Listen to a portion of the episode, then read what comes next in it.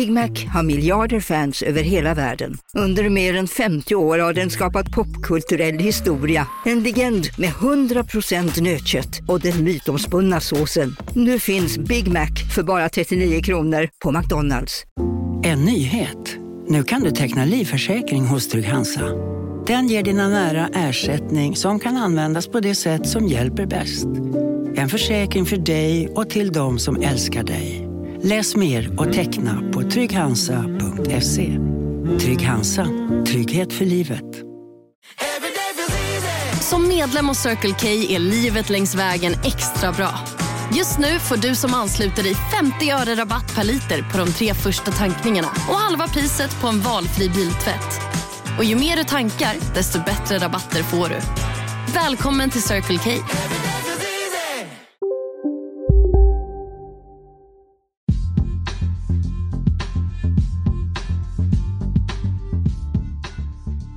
De senaste veckorna har varit enormt omtumlande för Swedbank, för våra medarbetare och för våra kunder. Ja, men det värsta är ju att en av Sveriges största banker nu misstänks för svindleri, att det misstänks att man inte har delat med sig av uppgifter till myndigheter, att man har vilselett allmänheten och inte talat om sanningen för oss alla. Jag frågade Åsa så här, varför ska du skriva den här boken? Och då sa hon att det är för att det är nödvändigt och för att bli fri själv. Det finns en, eh, en oro internt på Dramaten som eh, påminner om den oro och den upprördhet som man hittar bland vår publik. Det är viktigt att Dramaten tar sitt ansvar som arbetsgivare, ser till att det är en trygg och säker arbetsplats och också ser till att man jobbar med att motverka tystnadskultur och alla former av eh, trakasserier.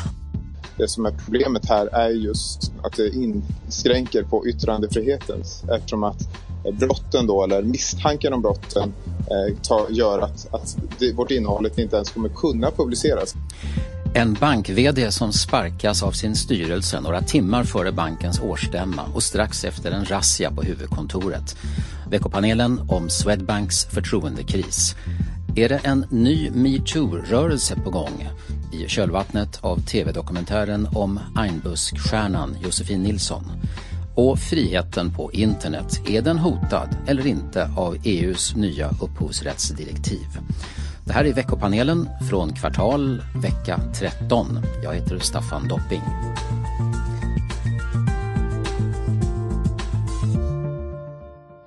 Ja, det har varit ännu en nyhetstung vecka och gott om dramatik och svarta rubriker. Vi har också en hel del nytt blod i panelen men först några ord med Jörgen Wittfeldt, min kollega och chefredaktör för hela Kvartal. Vad har präglat din kvartalvecka?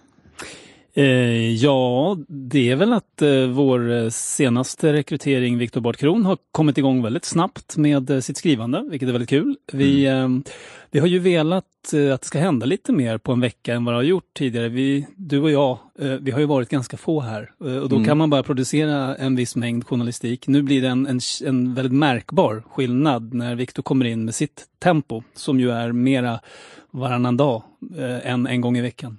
Mm, ja, just det. Och det är inte något problem med att hitta inspiration i politiken dessutom. Det verkar han inte ha. Det verkar han inte ha. Annat som har hänt på sajten? Essäer, analyser och sånt? Ja, vi, vi hade ju en text då av eh, Inger Enqvist som är professor eh, vid Lunds universitet som då vill, eh, vill dra i larmklockan för hur eh, universitet och högskolor styrs. Hon hävdar ju då att eh, i och för sig angelägna ändamål som till exempel jämställdhet gör att eh, forskare som då vill söka pengar blir styrda genom att eh, statsmakterna anslår pengar för ett visst ändamål. Och det som hennes text handlar om är då att det är ett, ett hot mot forskningens frihet, tycker hon. Mm. Vi har fått en del reaktioner på det va? Oh ja, ja men det, det, är ju självklart att en del menar att det stora problemet är att kvinnor är underrepresenterade som till exempel professorer eh, och att det är angeläget att, att göra som Chalmers och satsa 300 miljoner kronor på ett genusprojekt under, under tio år medan andra då håller med Inger Enqvist och tycker att eh, det här blir en, en politisk styrning av eh, högskolor och universitet.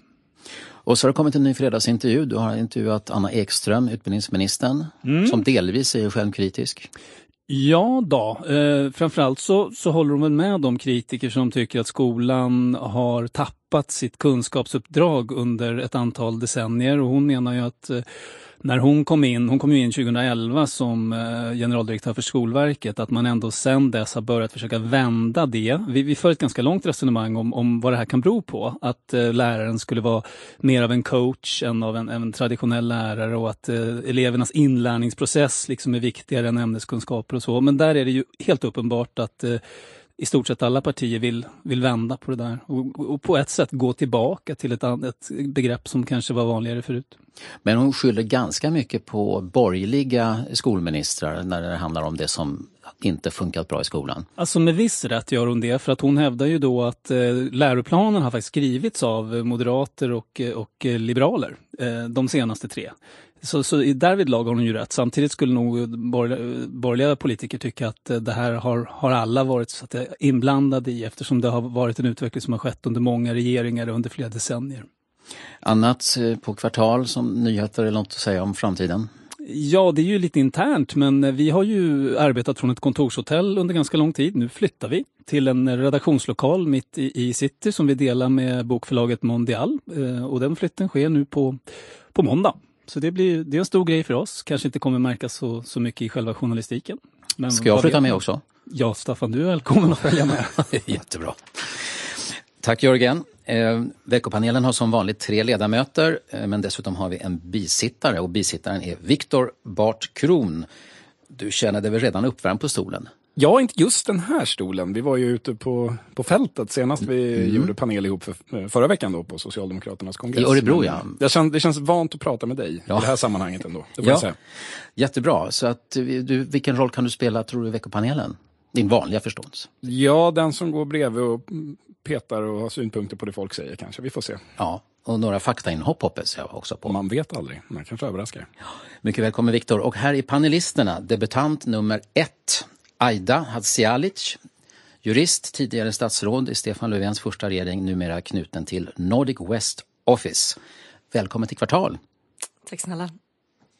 Olof Lavesson, fri radikal kallar du själv för, tidigare ordförande i riksdagens kulturutskott och kulturpolitisk talesperson då för Moderaterna, men det har du lämnat och du bor i Malmö. Välkommen till veckopanelen. Tack så mycket.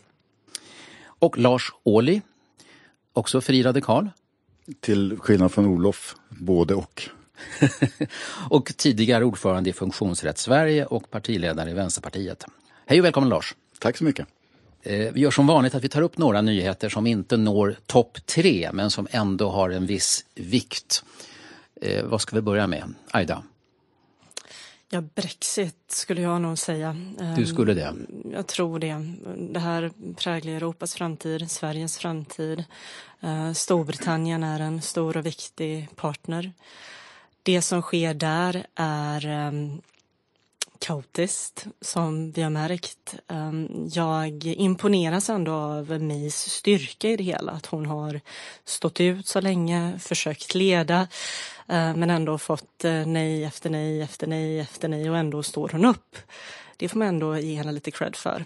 Ehm, sen hoppas jag naturligtvis att britterna ska hitta en konstruktiv väg ur det här.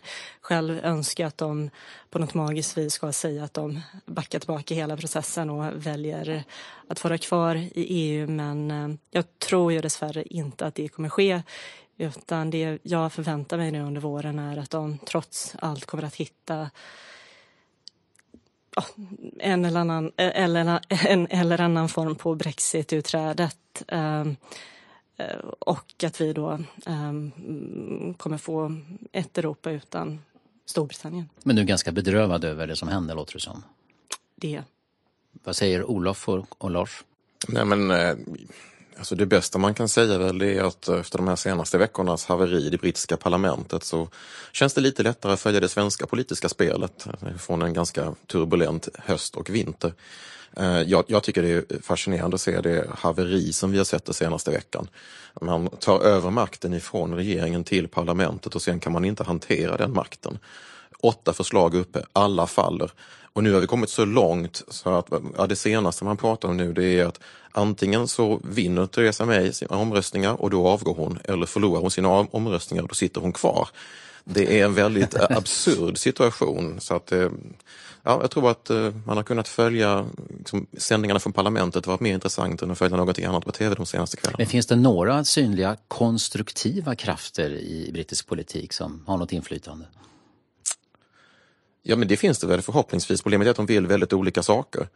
Eh, det, det, liksom, det, finns ingen samlad bild överhuvudtaget om varken problembeskrivning eller lösningar. Bara synen på en hård Brexit skiljer sig diametralt åt vad det skulle innebära. Eh, det som är bekymmersamt är att när parlamentet har, sen de har tagit över liksom hela den politiska diskussionen så har det också blivit en väldigt mer isolationistisk debatt. Det är som att allt händer i Storbritannien och vad som händer utanför är inte lika relevant. Men någonstans ska ju massa andra medlemsstater ta ställning till vad som händer. Så det riskerar att bli ett väldigt hårt uppvaknande. Konstruktivt är ju ofta det som man tycker själv. Eh, om, eh, om någon säger något som man håller med om så är det väldigt konstruktivt. Ja. Säger de något helt galet då är de ju väldigt inkonstruktiva. så att det, det, är väl egentligen så att det beror på vad man tycker. Och jag måste säga att David Cameron, hur mår han? Alltså, det var ju faktiskt han och hans regering som, som la grunden för allt det här. Och det nej som, som britterna uttalade var ett ganska tydligt högernej byggt på, på förhoppningar och förväntningar som inte kunde infrias. Eh, det var helt omöjligt att infria de, de förhoppningarna och förväntningarna i ett avtal med EU. Och därför så ligger ju skulden ganska stor på den regering som nu har försökt att fixa det här och misslyckats. Eh, för det är ju verkligen skandalöst. Och jag ser, tänker på irländska situationen där, där Irland nu riskerar att få en hård gräns gentemot Nordirland vilket kan leda till att Nordirland börjar ifrågasätta sitt medlemskap i, i Storbritannien.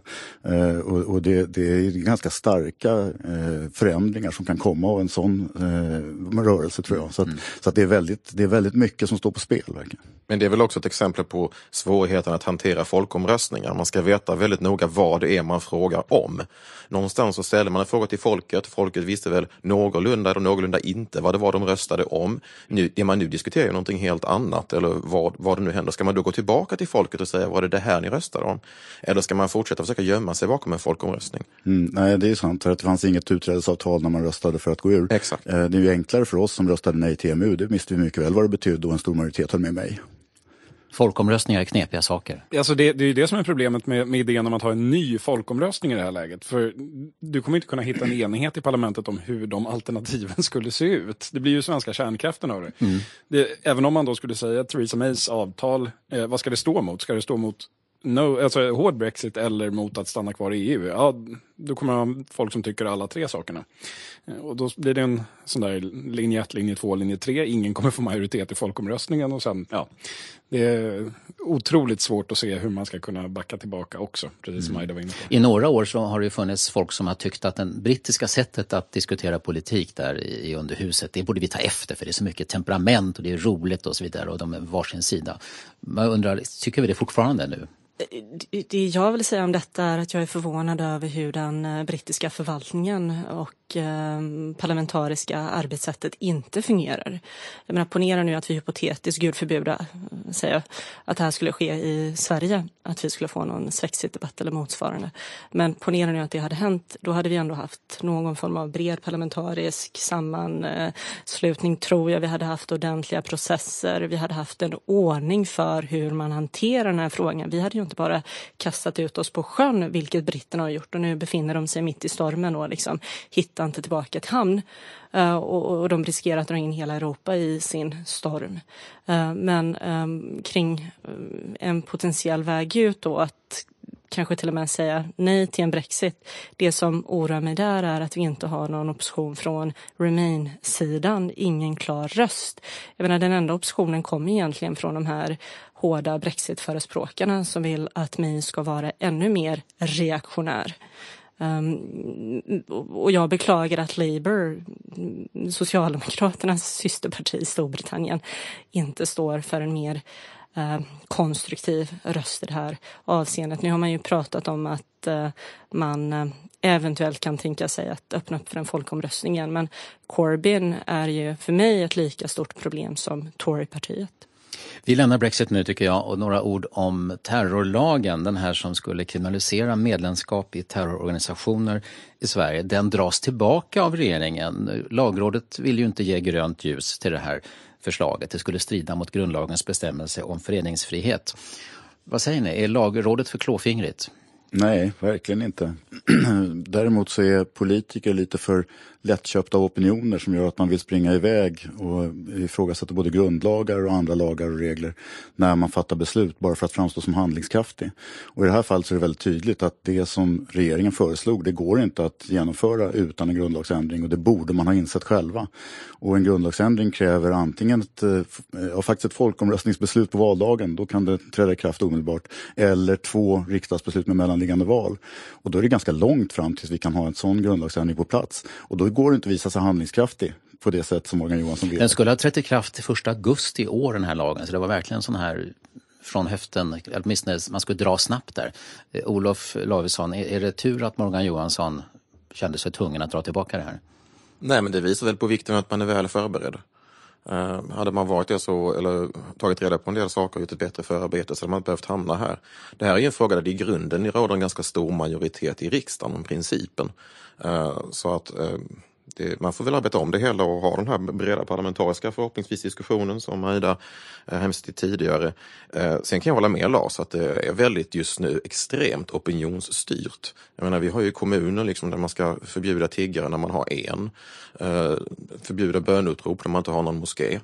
Eh, alltså det, är liksom, det, det, är väldigt mycket symbolpolitik i detta och det tror jag att man ska försöka hålla sig för god för oavsett om man är kommunalråd, riksdagsledamot eller statsråd. Men om, om man nu ska försvara regeringen lite grann, vilket jag ändå vill ta på mig att göra här. Varsågod. det är väl klart, klart som tusan att man måste hantera terrorfrågan. Eh, jag skulle nog inte kalla det för symbolpolitik. Det är ett reellt hot. Vi har haft eh, en terrorattack dessvärre här i Stockholm och på andra håll i Europa och i världen. Ehm, så det här får ju aldrig upprepa sig. Men vi måste ju ändå följa våra lagar och regler. Ehm, och jag tror att det är balansgången däremellan som är det viktiga här. Problemet är när man låter påskina att det egentligen inte är förbjudet att begå terror eller att ansluta sig till terrororganisationer och utöva terror. Det är, jag är ganska säker på att det är kriminellt. Ehm, det var som Annie Lööf sa i en intervju att i Sverige så är det förbjudet att vara kriminell. Ehm, och det, det, så är det. Så att det finns lagar och regler. Man, ska, man kan i och för sig ifrågasätta om de tillämpas tillräckligt hårt. Man kan du tycker också, inte att det behövs en skärpning man, egentligen? Man kan alltså. ifrågasätta om det behövs någon skärpning på vissa områden, absolut. Men jag, jag, är, jag hyllar den här demokratiska principen av tröghet i systemet. Att inte beslut ska fattas så snabbt som möjligt utan så bra som möjligt. Och då kan det behövas en remissomgång och en utredning och en ordentlig debatt i samhället innan man fattar sådana här beslut. Har det blivit omodernt Aida med, med remissomgångar? Nej, jag och Lars håller ju med varandra om den här frågan. Jag sa ju här precis att vi behöver en eh, balans eh, mellan att finna rätt åtgärder samtidigt som vi i det här fallet respekterar grundlagen. Ehm, så lag och ordning ska gälla samtidigt som vi hanterar angelägna samhällsproblem. Är vi klara med de här eh, icke topp tre-frågorna? Bra, då går vi in på veckans utan konkurrens största nyhet.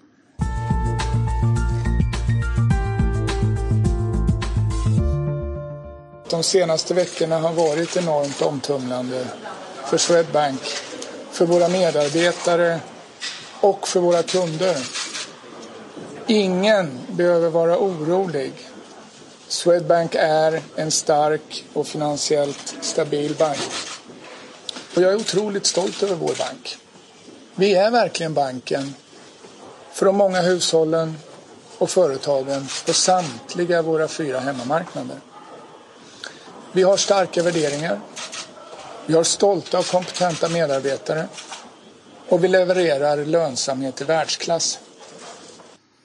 Ja, det här är mannen som nu ersätter Birgitta Bonnesen som koncernchef i Swedbank. Det är Anders Karlsson heter han. Han är alltså tillförordnad VD, har varit koncernfinanschef eller CFO som det heter på svenska. Eh, han talade om att banken är stark och har starka värderingar även om den det har varit väldigt omtumlande. Var ska vi börja nu? Vi har fyra storbanker i Sverige. Eh, att den här skandalen, den här stora som har så många dimensioner inträffar i Swedbank. Har ni en uppfattning om varför det händer just i den banken? Så jag kan bara konstatera att många av mina kompisar som lämnade Nordea när Nordea var i blåsväder bland annat för att man skulle flytta huvudkontoret till Finland och sådär de gick till Swedbank och nu börjar de på Facebook fråga vad ska man gå till nu? Eh, det var lite så här, Swedbank hade ett gott rykte. Det är de gamla sparbankerna, det är liksom en folkrörelsebank på sätt och vis. Eh, den, eh, den, Djupa många, rötter. Många uppfattade det som liksom småfolkets bank. Och då känner man nu att ifall det stämmer att de faktiskt har låtit sig utnyttjas i pengatvätt av ryska oligarker och dessutom kanske begått insiderbrott och kanske eh, svindleri till och med som det talas om. Ja, då vill man, vågar man inte lita på den banken heller. Då. Och det, det slår nog över på hela bankväsendet tror jag. Jag tror att Swedbank ligger risigast till men jag tror inte att det är någon bank som klarar sig i dagsläget från att bli utsatt för kritik och för oro från sina kunder. Men den här folkrörelsebakgrunden och den speciella förankringen lokalt och, och också värderingarna. Eh, Märks, märks det i Swedbank? Alltså det slår ju väldigt mycket hårdare därför att du har så många småsparare, du har de lokala sparbankerna, det finns en, eh, en stor grupp av liksom väldigt intressenter som överhuvudtaget inte är i närheten av den här typen av frågeställningar annars. Så jag tror det slår väldigt hårt i Swedbank. Eh, samtidigt ska man nog akta sig väldigt noga för att börja peka finger och säga att det, att det skulle ske just i Swedbank, men att det började i Danske Bank. Eh, vi vet inte liksom vad som finns någon annanstans, men det är klart att jag tror inte liksom att vi säger att nu, nu är skandalen över, nu handlar det bara om hantering. Det är jag inte så övertygad om. Jag håller med Olof här. Jag, jag, tror att frågan är större än Swedbank. Nu har de ju hamnat i rampljuset. Um, med rätta har det visat sig och här behövs ju också en ordentlig rättslig prövning av frågan. Ehm, men vi vet ju också, mm, sett vad som hänt de senaste åren, att även andra banker har berörts, eh, tyvärr. Eh, och då är frågan om man ska gå tillbaka till politiken och juridiken. Vad är det man behöver göra för att få stopp på det här eh, i globaliseringens, eh, Har du en uppfattning om vad som behövs? Nej, det kan jag verkligen inte uttala mig om. Jag tror att det här är en väldigt teknisk fråga. Jag tror att man måste gå in på djupet och göra det på är det en ett teknisk fråga? Är det inte en värderingsfråga eller attityd eller kulturfråga? Jo, men man måste ju börja i värderingarna såklart och veta vilken riktning man ska röra sig i. Men sen behöver man ju också ramverk och institutioner som hanterar det här. Birgitte Bonnesen som alltså har varit VD sedan 2016, hon blev först tillförordnad sådan efter att Mikael Wolf eh, lämnade sin post på styrelsens uppmaning. Eh, hon har kritiserats för att hon i höstas kategor kategoriskt avvisade alla frågor om penningtvätt. Vi är inte en sån bank, eh, ungefär kan man sammanfatta hennes budskap. Hur mycket har den här krisen och, och förtroenderaset berott på hennes person och just hennes agerande?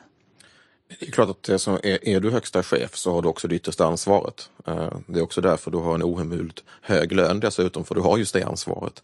Eh, men, eh, så det är klart att det faller på henne, men jag tror man ska akta sig att det faller bara på henne.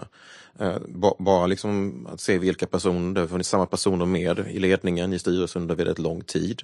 Eh, och hur hanteringen har varit samma med att hon också tvingades lämna. Jag tycker att följa den presskonferens och de uttalanden som fälldes på stämman igår, eh, den visar på att det här ansvaret är betydligt bredare än att gå knyta till bara till en person. Helt överens. Jag tycker eh, hon är högst ansvarig. Hon har begått väldigt många fel, inte minst kommunikativt. Hon har varit väldigt dålig på att kommunicera utifrån den här situationen efter Uppdrag granskningsprogram. Men resten då? Styrelsen, styrelseordförande som, som eh, styrelseordförande höll ett tal på stämman som jag lyssnade lite grann på. Det var ju blaha blaha. Det sa ingenting. Han, han, eh, alltså, ni kan lita på oss. Vi kommer att fixa det här. Det, allting kommer att bli bra. Det var liksom ett budskap som, som inte stämde med den situation som de flesta upplevde. Och som jag tror också att de flesta aktieägare upplevde, men tyvärr inte de största aktieägarna då, för de godkände ju att styrelsen valde sån och fick, fick ansvarsfrihet. Men det här är ju mycket större än bara Birgitta Bonnesen menar jag. Men, men hon har visst, hon, har, hon är högst ansvarig och dessutom har betett sig väldigt klantigt i den här situationen. Bankens tre värdeord är enkel, öppen, omtänksam. Mm. Värdeord har sina begränsningar. Kanske hade varit bättre om de hade behållit sitt gamla namn. Det är, någonting säger mig att så här, sånt här händer i, eh, på ställen där man heter Swedbank. Men kanske inte där man heter Föreningssparbanken, för då blir man inte lika fartblind. Det är bara en helt ogrundad teori. Mm, ja, det är tillåtet. Men tittar man på de där, jag gick in och tittade på de där värdeorden också. Och den första beskrivningen av värdeordet öppen, det är att vi ska agera som en rak, transparent, ärlig och pålitlig partner. Och det känns inte riktigt som att det är där man är idag, framförallt inte vad handlar om transparensen. Eh, visst, man kan diskutera Birgitte Bonnesens kommunikationsfärdigheter. Jag måste säga att jag tycker att hon har varit ganska eh, bra Eh, talesperson tidigare för liksom banksektorn i olika sammanhang. Men om man tittar på den eh, presskonferensen var igår och vad man nu lägger på bordet. Eh, det går inte att säga att det handlar väldigt mycket om transparens och öppenhet utan snarare så var det ju att vi är tvingade att stå här och gå går så fort vi kan. Hon fick ju sparken bara en timme före årsstämman och har ju själv inte framträtt närmare. Men Expressens Leif Brännström fick faktiskt några ord ur henne igår. Och det var så hon, på ett fråga från honom, du tycker inte att du gjort något fel? Eh, nej, det tycker jag inte, svarade hon då på den frågan. Jag har alltså, rubriken blev, jag har inte gjort något fel. 21 miljoner är nivån på om fallskärmen. Ja, det, det är hyfsat betalt för att göra ett jobb som är så dåligt så styrelsen anser att man ska chockas. Det tycker jag ändå. Hela historien börjar alltså med grävande tv-programmet Uppdrag granskning. Vad säger ni om det journalistiska arbetet? Det här går tillbaka egentligen till Panamaläckorna. Så det, det, och det var ju ett fantastiskt journalistiskt gräv av mängder av redaktioner i mängder av länder. Vilket jag tycker var helt suveränt. Alltså... Men ibland är väl ett gräv bara att någon har helt enkelt er, titta här får ni en hårddisk med jättemycket dokument. Och det är därför jag går tillbaka till Panamaläckorna. Därför att där var det ett gräv. Där var det verkligen ett jobb som utfördes. Och det som var så fantastiskt med det var att det inte läckte. Alltså det var ju redaktioner på, i olika kontinenter som satt på information samtidigt och inte gick ut med den förrän de kom överens om det. Och det tyckte jag var helt suveränt suveränt. Och det gjorde ju också att man fick ut mer därför att de som drabbades av den här uppmärksamheten som de inte ville ha, de hann inte rädda det som räddas kunde utan de var tvungna att, att framstå i den dagen de skulle. Nu får vi se hur det går den här relationen till USAs finansmyndigheter. För om det där skulle inträffa att de trycker trycka på knappen, då, då ni får inte handla i dollar om man säger så. Finns det en, en realistisk risk att det går så? Vad tror ni? Alltså det, det, får väl, det, det, kan jag inte uttala mig. Min kunskap sträcker sig inte så långt att kunna värdera hur de arbetar. Men jag tänkte på det du sa här med eh, styrelsen och deras agerande. Alltså, samtidigt som man sparkar Bonnesen så ger man hela styrelsen förnyat förtroende och dessutom höjer man arvodena för dem. Jag brukar inte vara den som klagar på att det är höga arvoden i privata företag. Det du brukar gilla sånt? Nej, jag tycker att det är upp till de som äger och intressenter och kunder som får avgöra om det är rätt. Det ska inte liksom, man sitta och ha en jäkla massa synpunkter på, framförallt inte om man varit riksdagsledamot alldeles nyss. Men jag tycker att det sticker ju rejält i ögonen när det är så uppenbart att styrelsen inte har agerat när man borde ha agerat. Och då får man totalt förnyat förtroende och dessutom höjda arvoden samtidigt som man sparkar chefen. Alltså, det, det är ett signalvärde som är katastrofalt. Men igen om man får ta ett steg tillbaka och, och, och betänka att det här sker i en större eh, kontext. Vi kan prata om vdn och det ska vi. Vi ska prata om styrelsen. Men igen, eh, det är ju inte bara Swedbank som har drabbats av de här problemen. Eh, och jag undrar ju då eh, vilka strukturella, strukturella problem finns i den här sektorn? Och varför är det journalisterna som upptäcker detta? De har gjort ett fantastiskt arbete. Men var är våra myndigheter, våra institutioner? Fungerar våra regelverk tillräckligt väl? för att man ska kunna kontrollera vad som händer inom en så stor och viktig aktör som Swedbank och andra banker som utgör eh, ja, men, kärnan i vårt finansiella system. Vi kan ju inte ha det så här. Också Finansinspektionen har ju fått lite ljus på sig här med tanke på att det nu har funnits en del uppgifter som inte har hanterats riktigt. Jag tänkte på, om vi ska lyfta ännu mer blicken, relationen mellan staten och, och affärsbankerna. Vi har ju sett tidigare hur, hur staten formerar en bankakut då när kommersiella banker riskerar att haverera. De är systemkritiska. De får inte gå omkull då, även om de själva har vållat krisen. Ska det vara så också i fortsättningen? Alltså att de stora bankerna ska veta om att de i någon mening är osårbara på grund av att staten inte har råd att låta dem gå omkull? När Götabanken en gång i tiden eh, hamnade i stora problem och staten gick in och räddade, då var det någon som myntade uttrycket att banksektorn, där har man privatiserat vinsterna och socialiserat förlusterna. Och det är lite grann så här också, i, även fortsättningsvis. Alltså Swedbank, jag tror att de visar ett resultat på 21 miljarder. Eh, det är hyfsade eh, pengar. De hade en utdelning på 10 procent av aktievärdet det är bra pengar för de som har köpt in sig i Swedbank. Eh, och Pensionsfonder och andra, det går ju liksom delvis ja, till, visst, till... Det, det, är naturligtvis även kooperativt och kollektivt ägda eh, former. Men, men eh, oavsett det så är det orimligt med den typen av vinstnivåer i en verksamhet som har som främsta uppgift att se till att företag och privatpersoner kan fungera i ett samhälle som vårt.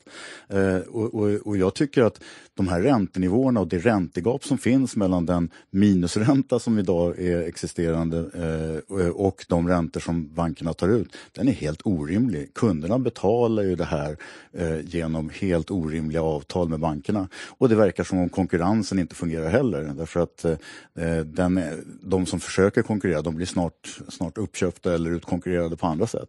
Så att det, det här är en sektor som inte fungerar. Jag skulle önska mig en stark statlig aktör som gick in och faktiskt konkurrerade. SBAB har ju på, på visst mått kunnat konkurrera när det gäller bostadsköp. Mm. Men, men de lånen är ju en, en, liten del av banksektorn. Och jag skulle önska att det fanns en heltäckande statlig bank som faktiskt gick och sa nej, slut nu, det här, det här går inte. Och så konkurrerade man bort de här enorma vinsterna inom banksektorn.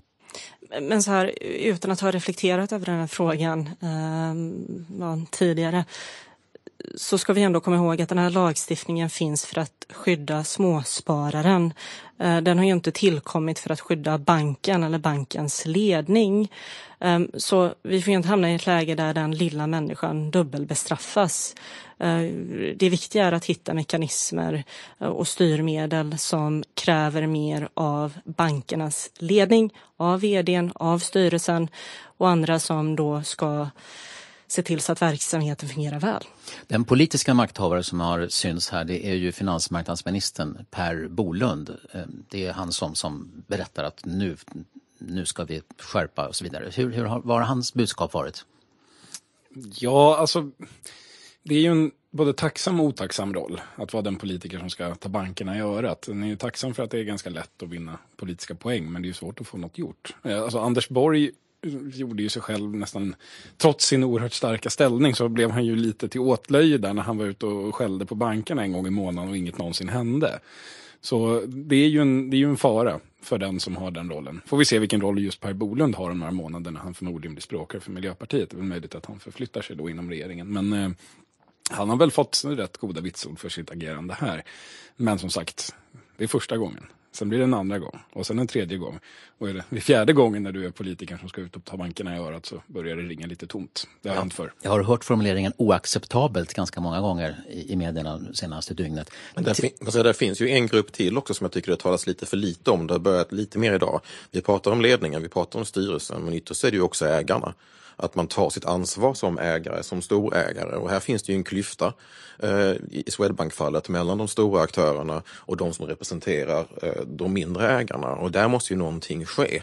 När det, du har AMF, du har Folksam, du har de här. Vad, hur tänker man göra? Hur tänker man agera? Där faller ju också ansvaret väldigt mycket tillbaka. Man har ett ansvar för kunderna, man har ansvar för sitt ägarskap. Till sist, tror ni att det blir någon slags reningsbad nu i och med Swedbanks förtroendehaveri och allting som ska nu sopas fram och inte under mattan? Det vet inte jag, men jag kommer att tänka på det som Olof sa, kan ju hänga ihop med de höga vinstnivåerna och aktieutdelningarna. Att så länge de här storägarna alltså vi tjänar pengar åt våra försäkringstagare, våra pensionärer och våra, eh, våra ägare och därmed så håller man käften och, och liksom även när det är uppenbara missförhållanden så, så låter man det fortgå därför att man tjänar så pass mycket pengar. Eh, det är en tanke, alltså, för det är så enorma vinster just nu så att jag kan tänka mig att det är väldigt svårt att bidra till att det här på något sätt kommer att minska så att man får mindre pengar till Folksam, AMF och pensionsfonderna. Det är väl där som Lars och jag är radikala på olika sätt.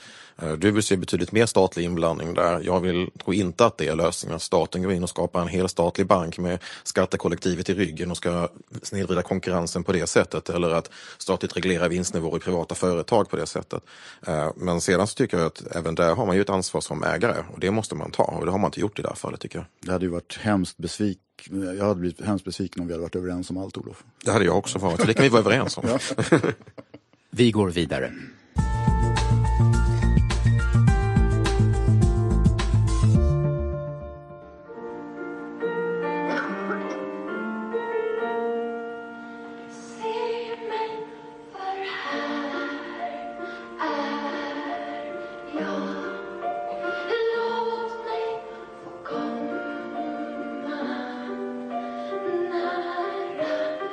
Hon är ljuvlig. Hon heter Josefin Nilsson.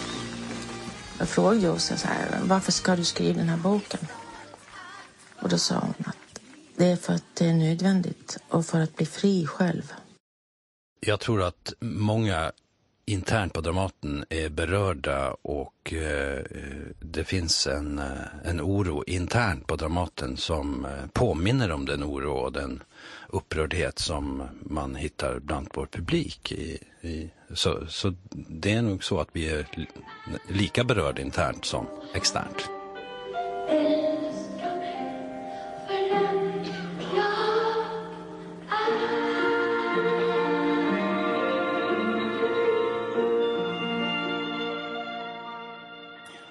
TV-dokumentären om Einbusk-medlemmen Josefin Nilsson har skakat om den här veckan. Den hade setts av hundratusentals tittare redan innan den sändes på riktig TV.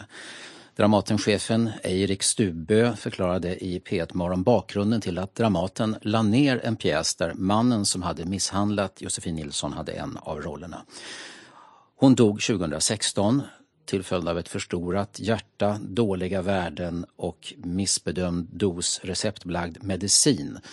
Eh, flera operationer, bland annat höften, hade också eh, förstört hennes tillvaro. Kulturministern Amanda Lind har engagerat sig starkt i frågan om män som hotar, slår och trycker ner kvinnor, i det här fallet inom kultursektorn. Och i veckan kallade hon till möte med Dramatens styrelseordförande och sen har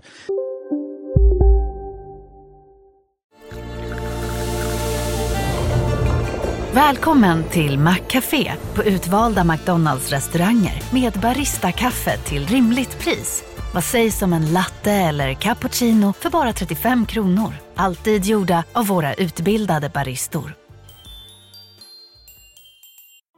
Hej Sverige! Apoteket finns här för dig och alla du tycker om. Nu hittar du extra bra pris på massor av produkter hos oss. Allt för att du ska må bra. Välkommen till oss på Apoteket. Gänget! Vad är vårt motto? Allt är inte som du tror. Nej, allt är inte alltid som du tror. Nu täcker vårt nät 99,3 procent av Sveriges befolkning baserat på röstteckning och folkbokföringsadress. Ta reda på mer på 3.se eller i din 3-butik. Nya upprop dragits igång. Vad säger panelen om det här? Ja, det är djupt tragiskt. Alltså, den, här, den här dokumentären eller filmen om Josefin eh, går rakt in eh, i hjärta och själ. Det är ett fantastiskt fint porträtt och har man inte redan sett det så tycker jag man ska göra det. Eh, det som jag det som jag också kan förfäras över det är att om man tar steget lite bort från, från just eh, fallet med Josefin, det var att det här ju egentligen inte är något som kommit fram idag.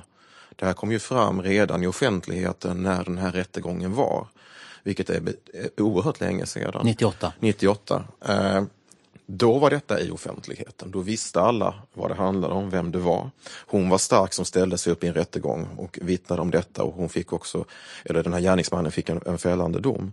Några år senare, Eh, 2009 tror jag det var, så hade Ekot en stor enkät bland teateranställda som visade på extrema problem med sexuella övergrepp, eh, våldtäkter, annat. Vi hade en stor utfrågning i riksdagen kring detta här och alla chefer och organisationer var chockade och sa det hade vi ingen aning om att det var så här illa.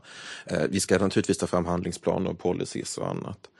Sen inträffar då härom hösten tystnad tagning eh, och uppropen med metoo. Och helt plötsligt så säger alla igen att det hade vi ju ingen aning om att det var en sån här omfattning på detta. Och vi måste kräva att det händer någonting och vi kallade in cheferna till utskottet, kulturministern gjorde det.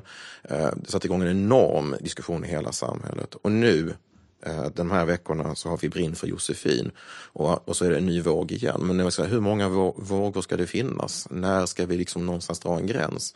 Och man kan prata om lagstiftningar, man kan prata om regler. Vi har ganska bra lagstiftning i Sverige.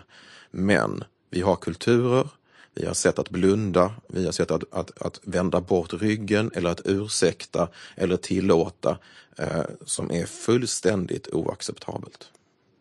Säger Olof Lavesson. Vad säger Aida Hadzialic? Ja, men tack för den bakgrunden Olof. Du har jobbat väldigt aktivt eh, med den här frågan som eh, Moderaternas kulturpolitiska talesperson. Jag är berörd, precis som alla andra. Ehm, jag eh, ser den här dokumentären och skildringen av det som har hänt som en fortsättning på metoo. Jag tror dessvärre inte att det här är slutet på den här processen. Ehm, det är en fortsättning. Eh, det, det handlar om en katarsis för Sverige, för kultursfären men också arbetsmarknaden ehm, som helhet. Vi vet ju, apropå finanssektorn som vi pratade om tidigare, att eh, den eh, fick ju aldrig sin katarsis och det pratade man ju mycket om eh, i samband med metoo förra året, att kvinnorna i den världen inte vågade uttala sig i jämförelse med eh, kvinnorna inom kulturen och mm, politiken och juridiken eh, med mera. Eh, så jag är berörd, men samtidigt så vill jag ändå tala om sans och balans. Jag tror att det, eller är övertygad om att, eh, om man nu bortser från eh, Josefin nu och den här frågan, när det kommer till metoo som helhet, så, så, så är också rättsprocessen viktig även där. Eh, vi måste låta lag, lag och ordning råda. Ehm, vi, vi måste också vara försiktiga med folkdomstolar och Ehm, processer där medier dömer innan domstolen har sagt sitt. Ehm. Men vad säger du då om det, att uppståndelsen här och demonstrationer utanför en Dramaten-scen ledde till att Dramaten la ner pjäsen? Och nu har Dramatenchefen sagt att den här skådespelaren får sannolikt inga mer roller, det vill säga han har sannolikt stått på scen för sista gången i sitt yrkesliv som en följd av just den här tv-dokumentären faktiskt.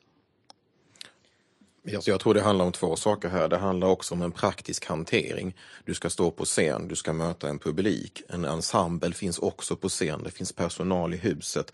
Vad uppstår i det mötet? Eh, och kan man hantera det på, på, på, på, på rätt sätt? Det jag tycker det som Aida tar upp med sans och balans tycker jag är så oerhört viktigt. Därför vi har en tendens ibland att förväxla engagemanget för ett människoöde Eh, medan sen också kunna hantera vad är samhällsproblemet. Och jag tycker Dramatenfallet är sådant. Eh, jag tycker man ska ta på allvar väldigt, väldigt starkt detta detta engagemang som finns. Det finns ljusmanifestationer, eh, det finns annat. Samtidigt har Dramaten krismöten internt.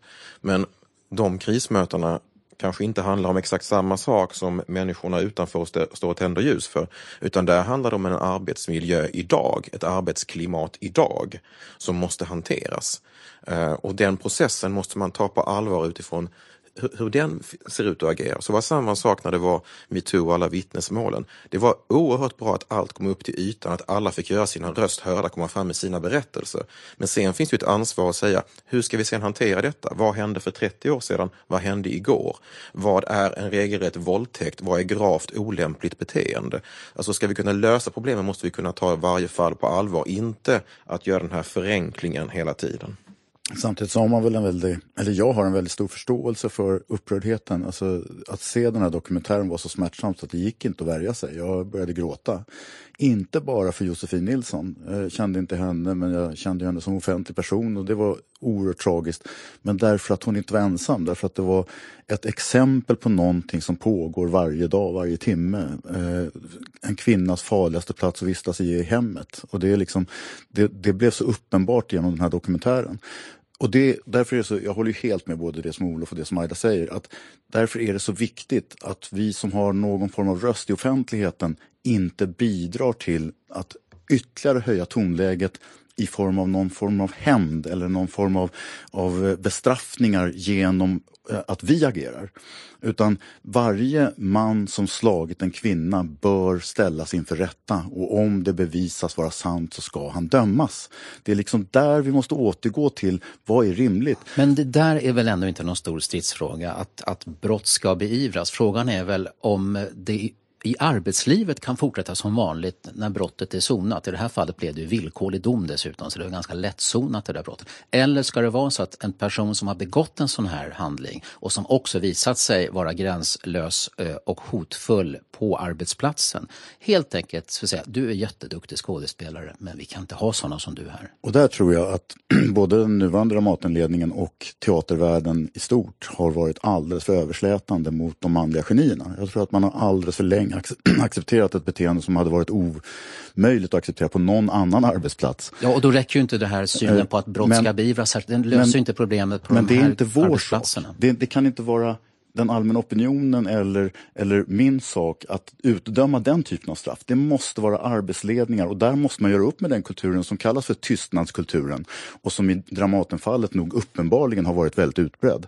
Och det tror jag det är en lärdom att, att man måste ställa större krav på chefer och arbetsledning. Fast jag tror att det, jag ska man inte underskatta att det också har hänt väldigt mycket och fortsätter ske väldigt mycket sedan metoo-hösten. Jag har varit ute och träffat de här institutionerna eh, på teatersidan. Eh, jag har varit ute på konserthusen. Jag har varit utanför kultursektorn för det är inget som är isolerat till kultursektorn på något sätt.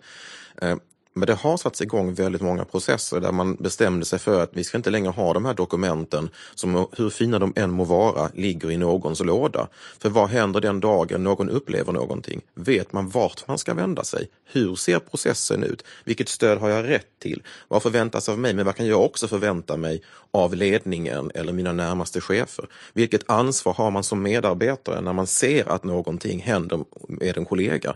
Alltså det finns även hela den biten. Hur hanterar vi våra policies? Eh, och där vet jag att där, där händer det väldigt mycket på Dramaten, på Operan, Riksteatern, men också på många andra ställen.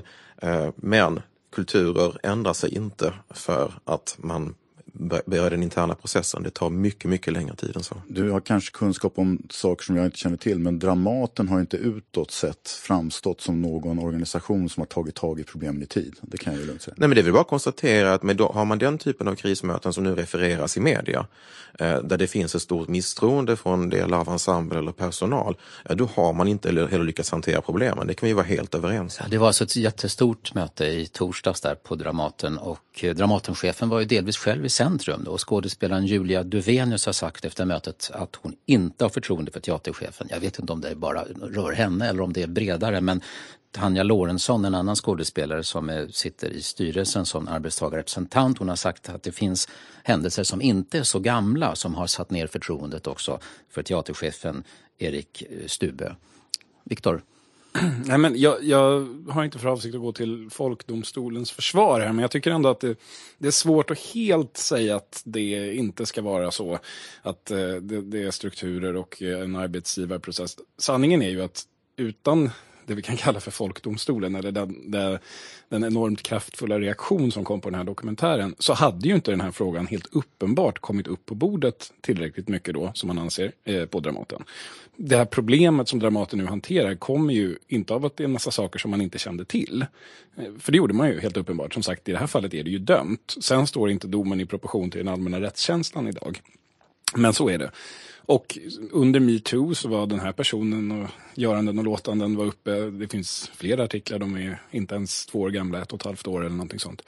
Eh, men uppenbarligen så har man inte eh, dragit de slutsatser som många nu tycker att man borde dra och som man då kanske nu har dragit då, att kanske inte använda sig av vissa medarbetare. Eh, men det hade man ju uppenbarligen inte gjort. Jag tror att det finns någonting här, att vi pratar om den här kulturen som, som uppenbart finns ganska starkt där, säkert på andra håll i kultur-Sverige och på an, i andra sektorer. Eh, I den världen så, så orkar man, har man kanske inte orkat ta tag i vissa saker. Man har kanske haft vissa standardnivåer. Eh, och den som kanske har tyckt att det har varit fel har känt sig som att det är jag som är ensam. Nu framstår det ju tvärtom, att det står en pöbel med högafflar. Nej, inte riktigt. Men det, det, det blir, blir väldigt påtagligt för alla att den allmänna opinionen tycker att det här är helt oacceptabelt. Och då blir det ett problem som man måste hantera och då hanterar man det. Så det är uppenbarligen så att det krävdes inte bara en, det krävdes inte bara en dom, det krävdes inte bara ett metoo-uppror eh, och vittnesmål då, utan det krävdes också det här för att Dramaten skulle agera på ett visst sätt. Sen kan man diskutera om det sättet är rätt eller fel, men det är ju ett faktum att det de gör nu är en konsekvens av den allmänna upprördheten som riktas mot just det här enskilda fallet. Ehm, så att helt göra det till en fråga om arbetsgivare och, och säga att vi ska inte hålla på utifrån det går ju lite stick i stäv med vad det är som faktiskt händer. Det får ju de effekterna det, det, får på grund av den upprördhet som riktas mot den här arbetsplatsen nu och hade annars inte, inte fått det. Mm. Synen också på manliga genier är ju intressant. Den här dömde skådespelaren som dömdes på 90-talet alltså, eh, han fick tio år senare eh, av kungen medaljen Litteris et Artibus. Och det där är väl det som är lite speciellt här, för man kan ju verkligen diskutera. Det här är en dom är utdelad. I, ett rätts, I rättslig mening så är ju brottet sonat och personen bör kunna gå vidare med livet. Jag förstår de som har den ingången, men det är väl just det där som gör det speciellt i det här fallet. Och jag tror man kan inte ha den här diskussionen utan att titta på varje enskilt fall lite grann för sig. För att stå på Dramaten i den typen av roller, det är det blir, effekten av det är väl lite grann så nära ett adelskap man kan komma i ett modernt Sverige. Det är nationalscenen. Det är de finaste scenerna, de finaste rollerna. Och de ger också den här typen av bekräftelse från högsta, det högsta officiella Sverige. Som en kunglig medalj till exempel. Så det är ju, och det gör det svårare. Det går inte att bara eh, säga att det, det, det, är självklart att eh, man ska kunna um, göra fel och sen så går man vidare som om ja, som man kanske kan göra i ett, i ett vanligt liv, ett vanligt yrkesliv. Det är speciellt att vara där. Så det, det, det gör det lite mer delikat. Man, som, det är för lätt att bara prata om det som en fråga om deplattformering eller vad man ska kalla det. Det, det, fin, det finns en dimension till där man, det är liksom antingen en enorm bekräftelse från det officiella Sverige eller, eh, ja, eller inte. Men det är för lite så ändå att om, om jag håller med dig, man ska ta det engagemanget på extremt allvar och det, det, är extremt positivt i grunden också. Men är man arbetsgivare eller för den delen politiker, då har man ett ansvar utöver det. Det är att visst, känn upprördheten, lyssna, eh, visa engagemanget, men sen har du också eh, ett ansvar att inte bara gå ut och ställa dig på torget bland allmänheten, utan också ta ansvaret i styrelserummet eller i riksdagen eller var du befinner dig. Det kan du inte utkräva av en upprörd allmänhet, men du kan kräva det av den som sitter på beslutsmakten. Just det, men uppenbarligen så tar man ju inte i de här sakerna förrän det har varit x antal vågor av allmän upprördhet. Det är väl det jag, det jag far efter. Jag försöker inte jämställa arbetsledningen med folkdomstolen, men den ena är liksom en konsekvens av den mm. andra i det här fallet verkar det som. Och det i sig är ju inte särskilt förtroendeingivande för Dramaten, om man säger så. Jag hoppas ju att vi med tiden kommer lära oss att hantera eh, det här fenomenet på ett ehm, mer begripligt sätt. Eh, för det är precis som Victor säger nu, att vi hanterar frågan från fall till fall. Det är väldigt svårt, det är lätt att agera i affekt. Ibland måste vi agera i affekt. Ehm, men inte låta folkdomstolen styra. Jag går ju nu i mångt och mycket i tankar kring eh, Aftonbladet och det som hände med Fredriksson ehm, där en människa i värsta fall dömdes till döden. Uh, indirekt sett i alla fall, uh, utifrån publiceringar som inte var uh, helt korrekt betingade. den mediala bilden får aldrig leda till ett sådant slutresultat. Men det är väldigt, väldigt svårt att just nu säga exakt hur de här eh, frågeställningarna ska hanteras. Just för att vi är i ett så tidigt skede, tror jag, av fenomenet. Och förhoppningsvis så kommer även rättsordningen eh, lära sig att hantera ehm, lära sig hantera det här precis som media. Får jag lägga till en sak angående om människor ska kunna komma tillbaka eller fortsätta sitt yrkesliv trots att de har begått brott och så som blivit fällda och sådär. Så lite grann så handlar det också om vilken attityd den personen själv har. Om man faktiskt inser att jag har betett mig för jävla illa, försöker gottgöra det och be om förlåtelse och ser till att det inte upprepas igen, så är det onekligen lättare att, att tycka att en sån person faktiskt ska få en andra chans och ska få, få återkomma i sitt jobb och ska få fortsätta, än om någon helt förnekar och att man har personen byter beteende dessutom ja. mot sin omgivning och kollegor. Och, och, och gör man inte det, då är det naturligtvis mycket svårare att förlåta och gå vidare. Så att jag tycker att det, det, är inte bara en fråga om omgivning, det är också en fråga om den personen som själv har begått fel. Men det finns också de som säger att konst och kultur allmänt och, och teater alldeles särskilt är en verksamhet där det krävs starka profiler, passionerade människor som kanske inte är så återhållsamma och hänsynsfulla som vi väntar oss i andra branscher. De tappar sin lyskraft om de inte får vara nyckfulla och gränslösa eh, säger en del. Fast det måste säga, det är väldigt ofta de som inte är i den kulturella sfären som säger det. Vi har, lite, vi har den här lite romantiserade bilden av de stora profilerna som tar plats, som är estradörer. Och som har kort stubin. Ja, men, men har man haft eh, fördelen med att se lite grann bakom kulisserna så är det också en arbetsplats med folk som går till jobbet, går hem från jobbet, hämtar och lämnar på dagis, vill kunna se att det fungerar. Arbetsdagarna ser lite annorlunda ut och man ger väldigt mycket av sig själv om man står på en scen. Eh, men jag tycker inte man ska överdriva det där. Däremot kan man väl säga att det har ju funnits, man har ju tidigare själv odlat den bilden en del. Eh, jag vet när vi hade den här första utfrågningen i riksdagen 2009 då hade vi ju skådespelare både inne i huset och som gästade oss men också utanför som, som ville förringa detta eh, med att det fanns trakasserier och säga men vi, vi har till vårt yrke att befinna oss i det här gränslandet, vi, vi står där med våra känslor men det är inga problem, ser vi att någon far illa då har vi ett kollektiv som sluter upp bakom. Eh, jag tror kanske man ska tolka det lite mer som att man kände att kulturen var under attack och man ville försvara sin, sin, sin verksamhet. Men det var ändå samma människor som sedan stod och läste upp vittnesmål när metoo-hösten kom. Så det har ju skett en mentalitetsförändring även inom sektorn. Eh, det tror jag att man ska liksom vara mycket väl medveten om. Är vi klara med den här svåra frågan? Ja, så För idag kanske? Ja, i, i panelen. Ja, tack så mycket.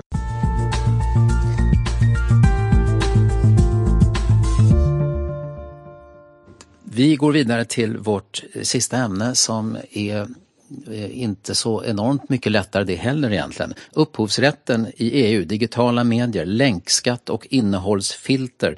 De här nya reglerna som EU beslutade om i veckan väntas bli lag om ungefär två år. Och artikel 11 och artikel 13 har det talats särskilt om. Vi hörde debattören och journalisten Emanuel Karlsten i, i löpsedeln här som menade att, att det här kan bli ett problem för yttrandefriheten. Eh, medan stora medieföretag som till exempel Bonnier och Schibsted tycker att det här är utmärkt att vi äntligen skyddar upphovsmännen och de som faktiskt skapar innehåll. Nå, är det här bra eller är det här illa att de här artiklarna nu blir så småningom lag och kommer påverka friheten på internet? Ja, men det är naturligtvis så att vi vill skydda upphovsrätten och den enskildas kreativa kraft och skapande. Eh, men jag är faktiskt inte så säker på att just den här regleringen är den bästa. Jag frågar mig hur det hela ska gå till i praktiken.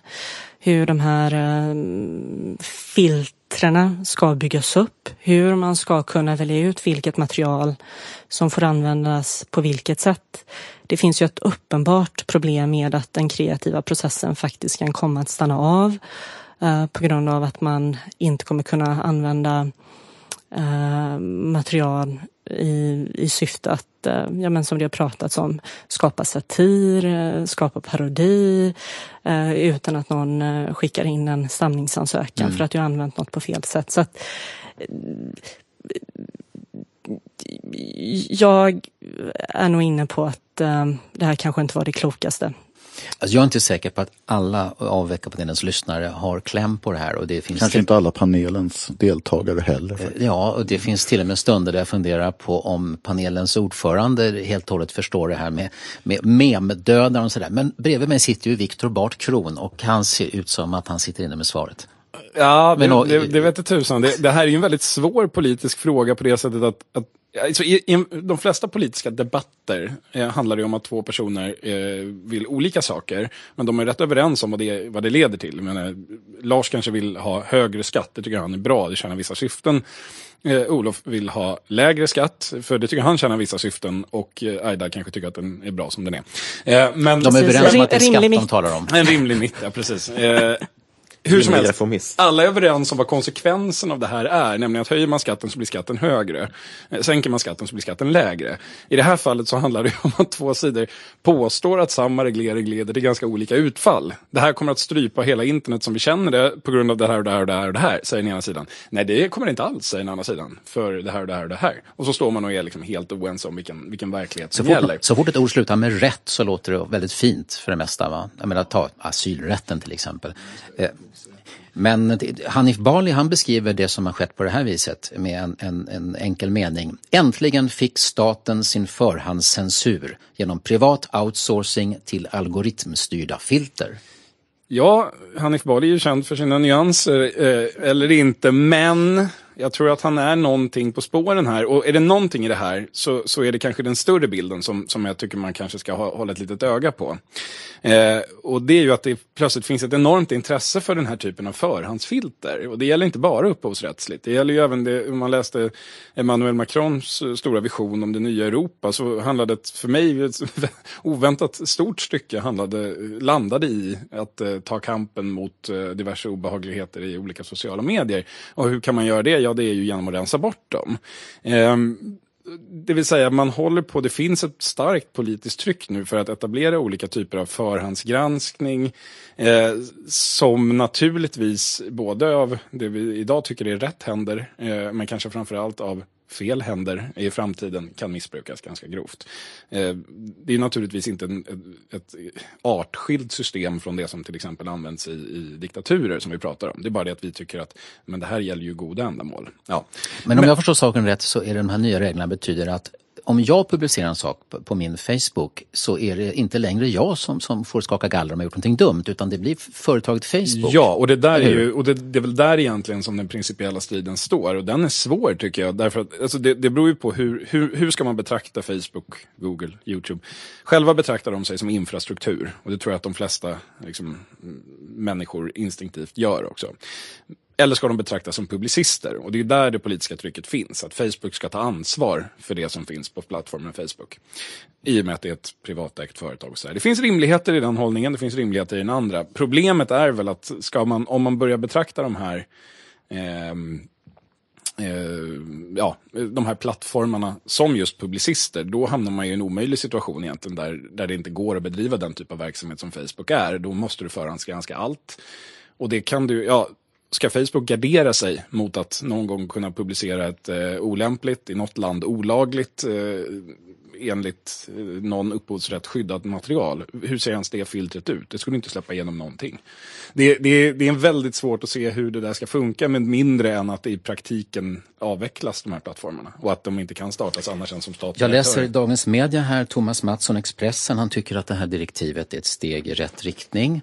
Och eh, Karin Pettersson som eh, är policychef på Schibsted men tidigare var politisk redaktör på Aftonbladet, hon hon eh, ser i dagsläget inga stora risker med att införa direktivet. Så att stora medieföretag i Sverige säger vad bra att upphovsrätten skyddas medan Uh, Olof Lavesson, du som var, satt i kulturutskottet och ledde det. Du, du hade ja, fått... Jag satt dessutom i näringsutskottet och ansvarade för upphovsrättsfrågor. Ja, du borde ha, borde ha en jättebestämd uppfattning. Nej, men jag, tror man, jag tror man kan säga att de här två eh, mediepersonligheterna, de har inte i övrigt gjort sig kända för att göra någonting som hotar yttrandefriheten, utan de är ju snarare de som rider ut först så fort yttrandefriheten är hotad.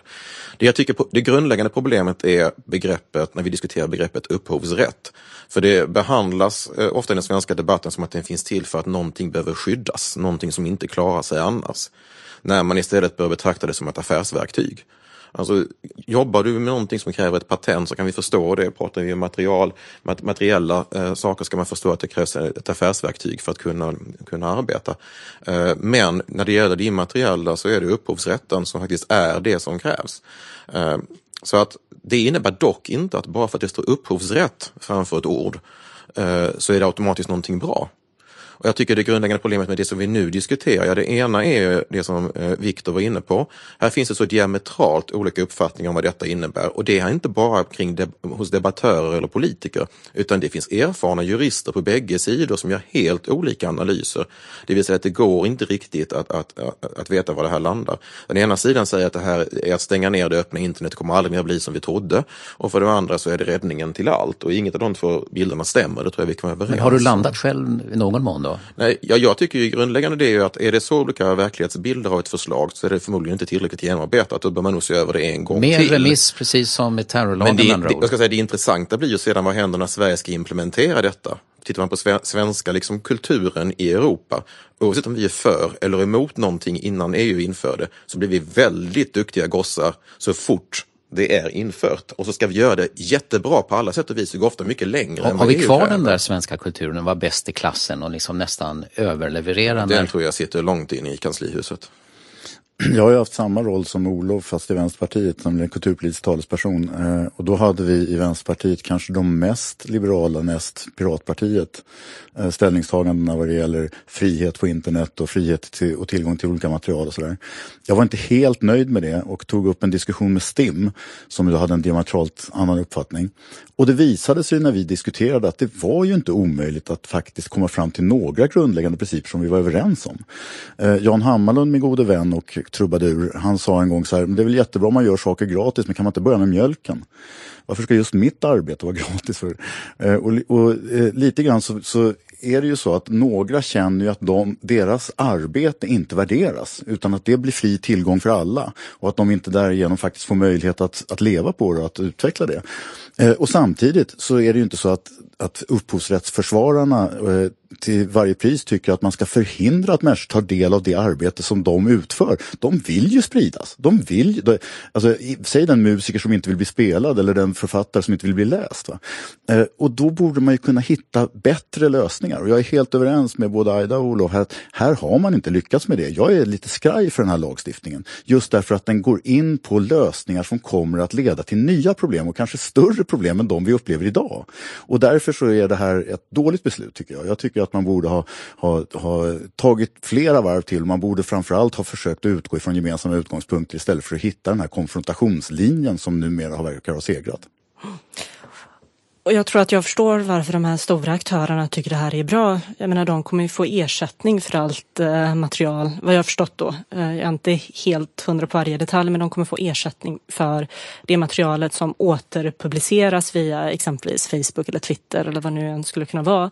Ehm, och där kan man säkert hitta breda avtal så att de får eh, en standardiserad process på det hela. Ehm, I alla fall utifrån vad eh, diverse juristprofessorer har sagt hittills.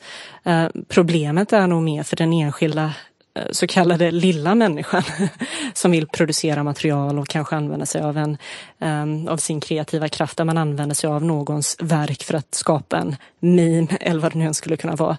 Där det då kommer skapas eh, filter och strukturer som försvårar delning och ehm, ja, ehm, försämrar den kreativa processen.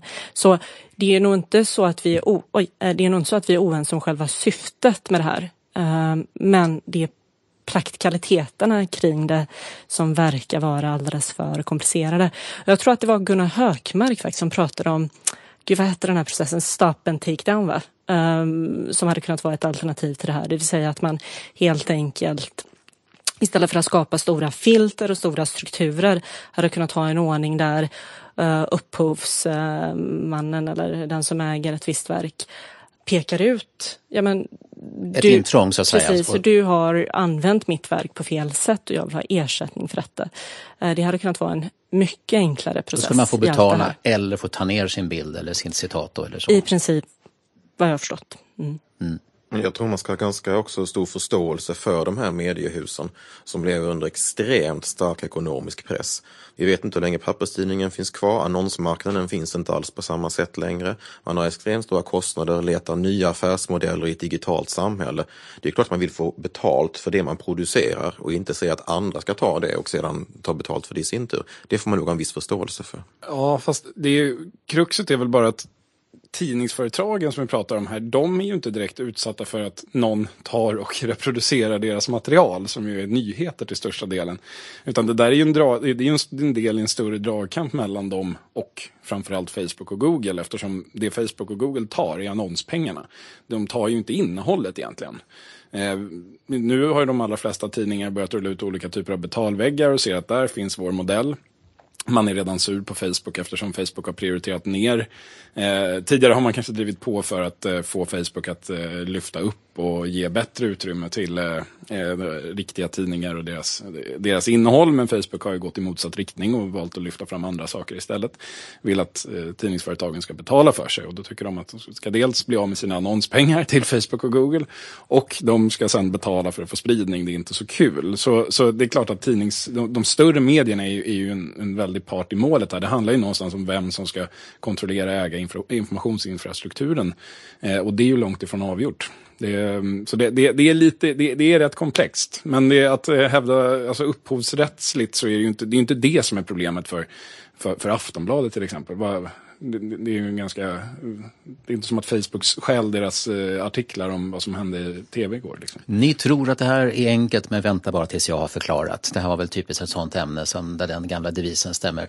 Jag vill tacka panelen bestående av Olof Lavesson, Aida Hadzialic och eh, Lars Åhli och min bisittare Viktor Bartkron och undrar lite grann hur man eh, en sån här helg när vi går över från normaltid till sommartid, hur ska man tillbringa resten av helgen?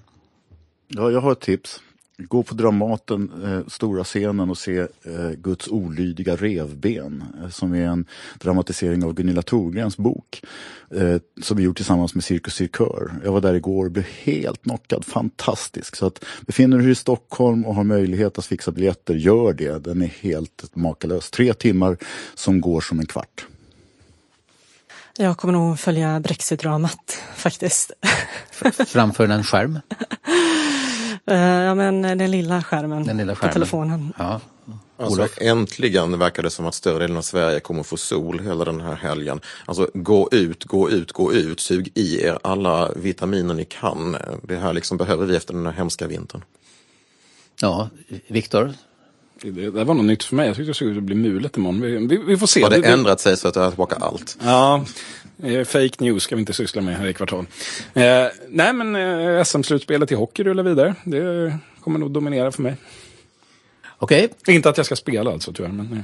Och eh, då vet ni att ni kan eh, gå in på kvartal.se eller lyssna i era poddappar också på fredagsintervjun med Anna Ekström som Jörgen Wittfeldt har intervjuat om likvärdighetsproblemet i skolan och mycket annat. Vi hörs igen hörni. Ehm, och kom ihåg, tänk själv. Trevlig helg. Hej, Jörgen Wittfeldt här. Vi hoppas att du som lyssnare är lika nöjd med vårt innehåll som vi på Kvartal är stolta över att vi, med långt mindre resurser än de stora mediehusen har, kan bjuda på seriös, kostnadsfri samhällsjournalistik. För att du inte ska missa något från Kvartal skickar vi vid varje publicering ut en e-post till våra prenumeranter. Precis som allt innehåll hos Kvartal så är prenumerationstjänsten gratis att ta del av. Det enda du behöver göra är att gå in på kvartal.se, söka upp fliken prenumerera och följa instruktionerna där. Tillsammans med er, vår publik, siktar vi på att skapa en växande plattform för seriös, saklig och oberoende samhällsjournalistik. Tack för att du följer och stöder Kvartal och tack för att du berättar om oss för dina vänner och bekanta.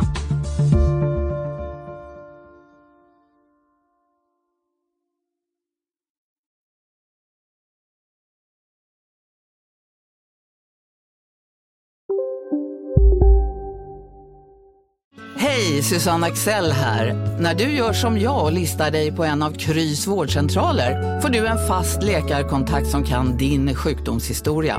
Du får träffa erfarna specialister, tillgång till lättakuten och så kan du chatta med vårdpersonalen. Så gör ditt viktigaste val idag, lista dig hos Kry. Hej, Synoptik här. Livet med glasögon ska vara bekymmersfritt. Därför får du 30% på alla glasögon när du väljer Synoptik All Inclusive. All service ingår alltid. Välkommen till Synoptik. Välkommen till Maccafé på utvalda McDonalds restauranger med Baristakaffe till rimligt pris. Vad sägs om en latte eller cappuccino för bara 35 kronor? Alltid gjorda av våra utbildade baristor.